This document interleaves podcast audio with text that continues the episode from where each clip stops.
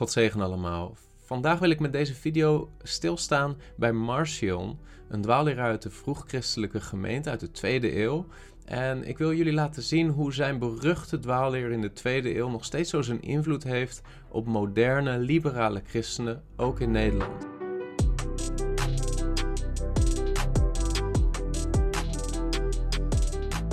Marcion werd omstreeks het jaar 85 na Christus geboren in Sinope, een plaats in het noorden van hedendaags Turkije, toen uh, nog uh, onderdeel van Griekenland aan de Zwarte Zee. Hij was de zoon van een geestelijk leider genaamd Philologus. En rond het jaar 140 na Christus sloot hij zich aan bij christenen in Rome, in de gemeenten van Rome. En hij werd eh, qua beroep werd hij bezitter van schepen en werd er ook heel erg rijk mee. Hij was een zeer welgesteld man. Marcion schonk eh, na zijn bekering tot het christelijk geloof heel veel geld aan de gemeente in Rome, bewees daarmee ook in de ogen van velen zijn loyaliteit aan de gemeente. En hij werd een gerespecteerd lid van de Romeinse kerken. Maar kort na zijn toetreding tot de gemeente in Rome ontwikkelde hij een afwijkende visie op christelijke theologie. In het jaar 144 na Christus, aan het eind van de maand juli, vond er een hoorzitting plaats, zo vertelt de geschiedschrijving ons, voor de geestelijk leiders, de ouderlingen van de christelijke gemeente in Rome. En de leiders schrokken dermate van de ideeën van Marcion dat ze hem meteen excommuniceerden en hem al het geld wat hij had geschonken aan de Romeinse gemeente, en dat was nogal veel geld, uh, gaven ze hem terug. Vervolgens ging Marcion zijn eigen weg. Hij verspreidde zijn afwijkende dwaalleer door grote delen van het Romeinse Rijk. En aan het eind van de tweede eeuw werd zijn dwaling een ernstige bedreiging voor de normale orthodoxe, dat wil zeggen de, de, de normale leerbeleidende christelijke kerk in het Romeinse Rijk. Wat waren precies de ideeën van Marcion? Uh, Marcion heeft eigenlijk maar één werk geschreven, voor zover we weten. En dat werk dat heet Antitheses, oftewel tegenstellingen. En dat werk is niet overgeleverd, dus we kunnen het vandaag de dag niet lezen. Ehm, en dat heeft waarschijnlijk ook zo zijn reden. De reden is waarschijnlijk dat zijn werk zodanig bedreigend was voor de normale christelijke leer, uh, dat men besloten heeft om het niet te kopiëren, maar juist iedere stimulering van het voortzetten van die leer werd tegengegaan door de kerk. Maar we kunnen wel afleiden wat de leer van Marcion was door de reacties van christelijke apologeten in de tweede eeuw en de derde eeuw. Uh, zo schreef bijvoorbeeld Tertullianus, uh, bekende kerkvader uit Noord-Afrika, schreef vijf boeken tegen Marcion, uh, genaamd Adversus Marcionem. en eigenlijk zijn die vijf boeken het meest uitgebreide werk tegen de leer van Marcion. En dus ook de beste basis om te begrijpen wat de ideeën van Marcion waren. Maar ook Origenes van Alexandrië, de bekende kerkvader, die enorm veel geschreven heeft. Uh, heeft ook het een en ander geschreven over Marcion. Uh, Irenaeus van Lyon. Polycarpus, Hippolytus van Rome, enzovoorts, enzovoorts. Het lijkt erop dat bijna elke vroege kerkvader die bezig was met apologetiek wel iets geschreven heeft tegen Marcion. En daarom zeg ik ook, het was een beruchte dwaalleraar in die tijd. Maar wat, wat onderwees Marcion nu precies? Wat was precies zijn idee, zijn dwaalleer? Nou, hij verwierp het Oude Testament en de Oud-testamentische geschriften.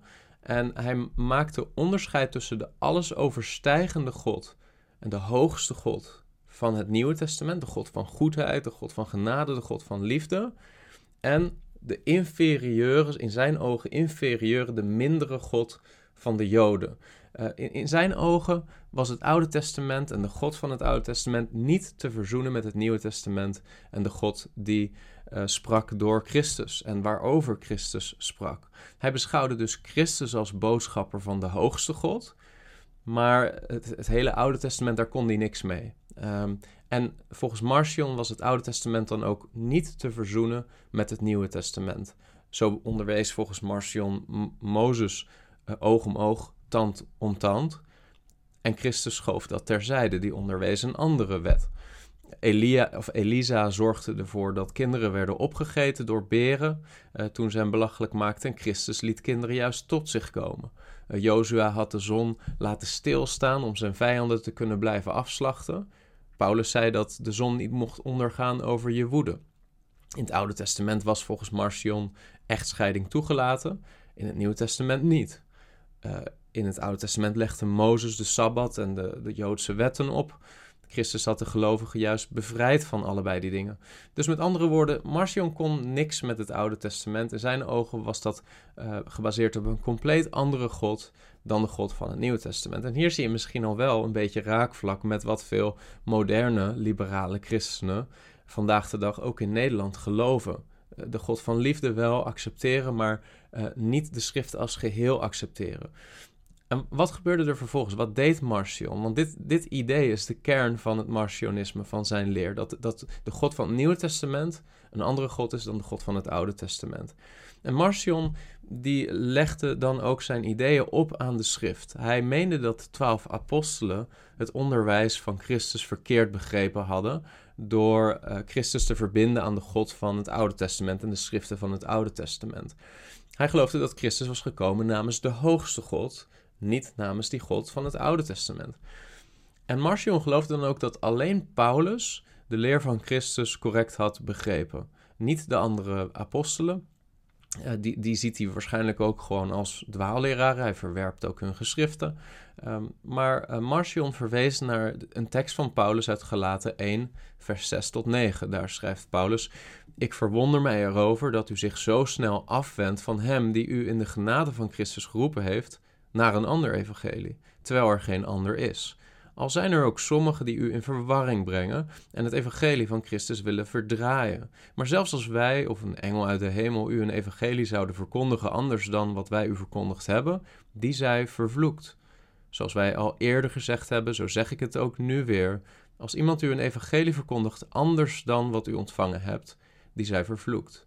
En dat is natuurlijk iets wat we ook daadwerkelijk geloven als christenen dat Paulus in de brief aan de gelaten waarschuwt voor valse apostelen, voor mensen die de boodschap van het evangelie veranderen uh, door opnieuw de Joodse wetten en de besnijdenis op te leggen aan gelovigen uit de heidenen, et cetera, et cetera. Nou, uh, verdere context van de gelaten brief, daar kunnen we het nu niet over hebben in de diepte, maar waar het om gaat is, er is een correcte interpretatie voor de waarschuwing die Paulus geeft in Gelaten hoofdstuk 1.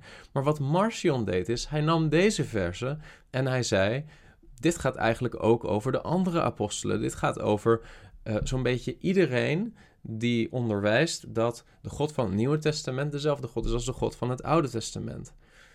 En dat is natuurlijk een beetje een rare toepassing, of nogal een rare toepassing van deze waarschuwing van Paulus. Volgens Marcion had alleen Paulus begrepen dat Jezus Christus de boodschapper was van de hoogste God. En wat Marcion vervolgens deed, is hij ging als het ware alleen maar de schriften, de brieven, de evangeliën accepteren die overeenkwamen met zijn idee op dat vlak. Die ging hij accepteren, maar al het andere verwierp hij. En dus creëerde Marcion eigenlijk een soort kanon, een soort lijst met geïnspireerde, in zijn ogen geïnspireerde geschriften, maar gooide alle andere geschriften uh, weg. En hij accepteerde dan ook maar een klein deel van wat we vandaag de dag, maar wat de kerk ook al in die tijd beschouwde als geïnspireerde nieuwtestamentische geschriften. Nou, wat accepteerde Marcion dan precies? Uh, hij accepteerde negen brieven van Paulus die geschreven waren aan de zeven gemeenten. Dus dat wil zeggen de Romeinenbrief, 1 Korinthe, 2 Korinthe, de Galatenbrief, de Efezebrief, Filippenzen, Colossense, 1 Thessalonicense, 2 Thessalonicense, die negen brieven geschreven aan zeven gemeenten, die accepteerde uh, Marcion, plus de brief die Paulus had geschreven aan Filemon. Maar dus niet 1 Timotheus, 2 Timotheus, uh, niet de Titusbrief, etc. Hij, hij accepteerde tien brieven van Paulus. En voor Marcion werden die tien brieven de basis voor de waarheid. Van de evangeliën, de, de vier evangeliën die ook al in die tijd gangbaar en geaccepteerd waren in de gemeente als geheel. Van die vier evangeliën accepteerde hij alleen maar het evangelie van Lucas. We weten niet precies waarom, maar waarschijnlijk omdat Lucas de assistent was van Paulus. Dat geloofde Marcion waarschijnlijk ook. En omdat hij Paulus zag als een ware apostel, eigenlijk de enige. Um, en Lucas geschreven was door de assistent van Paulus, was waarschijnlijk dat evangelie voor hem het meest acceptabel. Uh, dus met andere woorden, de schrift was voor Marcion het evangelion van Lucas, maar dat heeft hij vervolgens ook enorm bewerkt. Dus dat stond bekend vervolgens als het Evangelie van Marcion.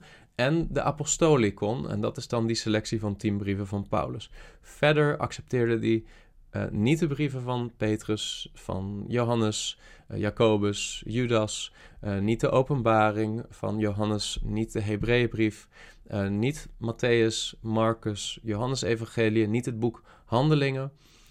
Alleen maar Lucas en de tien brieven van Paulus die hij accepteerde. Maar ook daarin vond Marcion dat er geknipt moest worden, want er waren zaken ook in die geschriften die in zijn ogen niet klopten. In zijn beleving moest er wel door valse apostelen pro-Judaïsche elementen in de tekst gesmokkeld zijn. Want ook in die beperkte kanon die hij accepteerde, klopte een aantal zaken niet met zijn ideeën. Dus ook dat moest aangepast worden.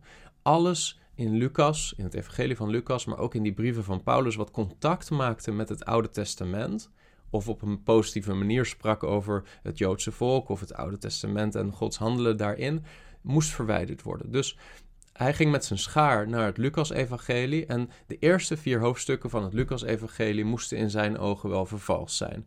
Dus hij verwijderde die hoofdstukken. De geboorte van Johannes de Doper werd verwijderd, want maakte contact met het Jodendom en met het Judaïsme, de oud-testamentische gang van zaken. Het geboorteverhaal van Jezus moest verwijderd worden. De doop en de verzoeking van Jezus werden verwijderd. Het geslachtsregister van Jezus werd verwijderd. Elke verwijzing naar Bethlehem of Nazareth werd verwijderd. En dus begon het evangelie volgens Marcion met Lucas 3 vers 1. En daar staat in het vijftiende jaar van de regering van keizer Tiberius. En vervolgens slaat hij de rest van hoofdstuk 3 en een groot deel van hoofdstuk 4 over en gaat weer verder in Lucas 4, vers 31. En dan staat er: daalde God af naar Capernaum, een stad in Galilea. Ook in de laatste hoofdstukken van Lucas ontbreekt er heel erg veel. Uh, de opstanding van Jezus komt eigenlijk niet aan de orde. En dat lijkt ook voor Marcion allemaal niet relevant te zijn geweest, want Marcion was ook enorm beïnvloed door de ideeën van het gnosticisme en het dualisme daarin. Maar niet alleen het evangelie van Lucas werd bewerkt. Wat hij vervolgens deed is uh, Galaten 3 vers 16 tot 4, hoofdstuk 4 vers 6 verwijderen. Vanwege, ook in de Galatenbrief, die eigenlijk de grote basis was voor de leer van Marcion, um, verwijzingen naar Abraham. Een verwijzing naar Abraham en zijn afstammelingen kon in de ogen van Marcion niet relevant zijn, dus werd verwijderd uit de Galatenbrief, want vermoedelijk in zijn ogen vervalst. Maar ook 2 Thessalonicense hoofdstuk 1, vers 6 tot 8. Daar wordt geschreven over een God die zal oordelen met vlammend vuur, met oordeel, met bestraffing. In de ogen van Marcion was dat niet verzoenbaar met de hoogste en liefdevolle God van het Nieuwe Testament, van Jezus Christus. Eh, daar houdt die God zich toch allemaal niet mee bezig met vlammend vuur, met oordeel en bestraffing. Dus ook dat werd door Marcion verwijderd. De revisie van de geschriften door Marcion was compleet subjectief en gebaseerd op zijn eigen ideeën. Er was geen, geen grond of basis voor deze revisie, voor deze verwijdering van al die uh, geschriften. Maar het was gewoon Marcion die een bepaald idee had en vond dat de schrift daar maar op aangepast moest worden. Nou, wat voor positieve invloed heeft Marcion gehad? Je denkt misschien, broeder Chris, hoe kan zo'n man die op deze manier met Gods woord omgaat positieve invloed hebben? Nou ja, Marcion was wel iemand die bezig was met nadenken over wat zijn nou geschriften die gezaghebbend zijn, ook al was het dan in zijn subjectieve ogen, um, versus geschriften die niet gezaghebbend zijn. Dus dit idee van kanonisatie, van nadenken over wat is de gezaghebbende schrift, was ook een impuls voor de normale orthodoxe kerk, de kerk met de juiste leer, om na te denken over wat dan de orthodoxe kanon was. Dus Marcion met zijn dwaling was wel een stimulans voor het immuunsysteem van de normale kerk om te gaan nadenken over wat is, wat is dan wel de kanon, wat accepteren we wel als gezaghebbende geschriften. Nu, nu denken we vanuit de geschriften van de vroege kerkvaders dat ook voor Marcion er al een soort functionele kanon was in de eerste gemeente, die veel breder was dan die beperkte kanon die Marcion uh, betitelde als gezaghebbend. Um, maar goed, het is toch een extra impuls geweest voor de vroege christelijke kerk om over te gaan tot kanonisatie en nadenken over, na te denken over wat zijn gezaghebbende geschriften. Nou, vele vroege kerkvaders waarschuwden in de jaren na Marcion zijn uh, dwaalleer voor de dwaalleer van Marcion en ook tijdens het leven van Marcion. In mijn uh, video van ongeveer twee jaar geleden over de kanon en de totstandkoming van de kanon. Uh, aandacht ook voor het proces van kanonisatie in de christelijke kerkgeschiedenis. Kijk daar vooral nog eens naar, uh, want die video bevat veel nuttige informatie over hoe onze hedendaagse kanon langzaam ontwikkeld is. Um, maar wat is nu de relevantie van dit alles wat ik vertel over Marcion voor vandaag de dag en voor de kerk in Nederland? Nou, moderne liberale christenen in Nederland hebben dezelfde neigingen als Marcion. In plaats van dat ze de hele schrift uh, nemen, accepteren als gezaghebbend, uh, zoals de Heer Jezus en de apostelen dat uh, deden en de vroege kerk dat ook deed, in plaats van de geschriften te nemen als geheel, zowel oud-testamentische als nieuw-testamentische verbondsdocumenten en geschriften te nemen als geheel en gezaghebbend en te erkennen dat dezelfde God van het Oude Testament ook de God is, dezelfde God van het Nieuwe Testament en dat te harmoniseren. In plaats daarvan zijn er veel christenen vandaag de dag, ook in Nederland, die beginnen met een kernovertuiging die heel selectief gebaseerd is. Bijvoorbeeld God is liefde. Ja, God is liefde is, is de waarheid, is, is iets wat Johannes schrijft in de 1 Johannesbrief. Is denk ik de kern van het evangelie van het Nieuwe Testament. Dus dat, dat is waarachtig om te zeggen God is liefde. Maar wat niet in balans is, is op het moment dat je dat maakt tot een kernovertuiging en daar eigenlijk de teksten die spreken over bijvoorbeeld de rechtvaardigheid van God, zijn haat jegens de zonde, uh, het feit dat er een laatste oordeel zal zijn, het feit dat er zoiets is als een hemel en een hel, het feit dat God concrete dingen te zeggen heeft over een zondige leefstijl en die afkeurt, al die dingen weg te knippen uit de schrift en ondergeschikt te maken aan een soort inmiddels dan lege uitspraak als God is liefde. Uh, dat is de stijl van Marcion. Dat is de schrift onderwerpen aan jouw eigen ideeën. Met een schaar naar de schrift gaan en alles wat jou tegenstaat of wat niet verzoenbaar is met jouw beperkte idee van wie God is, ondergeschikt te maken of zelfs te verwijderen uit je Bijbel. Maar eh, lieve mensen, de God van het Oude Testament is de God van het Nieuwe Testament. Het is dezelfde God. En de Heer Jezus en de apostelen onderwezen niet anders dan dat het dezelfde God is. En ik wil daarom afsluiten met een schriftgedeelte wat dat extra benadrukt uit het Nieuwe Testament. Overigens uit het Nieuwe Testament wat Marcion niet in zijn kanon opnam, namelijk de Hebreeënbrief. Hebreeën hoofdstuk 2, vers 1 tot 4. En let goed op wat de auteur van de Hebreeënbrief daar schrijft. Hij zegt: Daarom moeten wij ons te meer houden aan wat door ons gehoord is, opdat wij niet op enig moment afdrijven. Want als het woord dat door engelen gesproken werd al bindend was, en hij heeft het over het Oude Testament, bindend was, en elke overtreding en ongehoorzaamheid rechtvaardige vergelding ontving, hoe zullen wij dan ontvluchten als wij zo'n grote zaligheid veronachtzamen?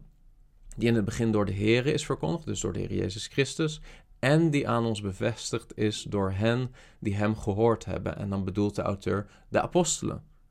God heeft er bovendien medegetuigenis aan gegeven door tekenen, wonderen en allerlei krachten en gaven van de Heilige Geest overeenkomstig zijn wil. Dus in tegenstelling tot Marcion, die wellicht onderwees dat Jezus allerlei wonderen deed en genezingen, en zie je dan niet zijn liefde voor de mens en het feit dat hij niet oordeelt, alleen maar liefdevol is, alleen maar wonderen wil doen om jou beter te maken?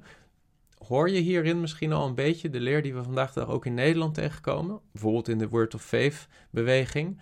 Uh, God wil nooit dat jij uh, dat jou iets van onheil overkomt. God wil alleen maar zorgen dat het goed gaat in jouw leven, dat je gezond bent, dat je welgesteld bent, et cetera, et cetera. Um, en alle geschriften die iets anders lijken te suggereren, wegknippen uit de schrift.